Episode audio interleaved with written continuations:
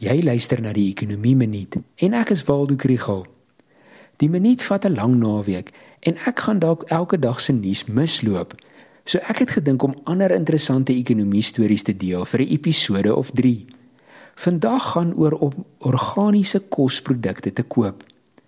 Gifstowwe het 'n negatiewe uitwerking op gesondheidsuitkomste, maar dit is moeilik om te bepaal hoe skadelik dit is omdat mense se blootstelling nie ewe kansig is nie. Nuwe navorsing in die FSA het hierdie verwantskap nou deeglik ondersoek.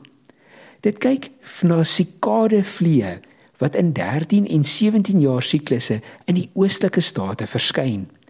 Hierdie sikades beskadig veral appelbome en raak nie eintlik aan ander vrugte of groente nie. Wanneer hierdie swerms gesprei is, is mense ook blootgestel wanneer die gif in waterbronne beland het. Die studie wys dat kinders wat geraak is, het swakker gesondheidsuitkomste en het slegter gevaar op skool. Volgens die berekeninge het hierdie gifblootstelling sedert 1950 gelei tot 556 sterftes.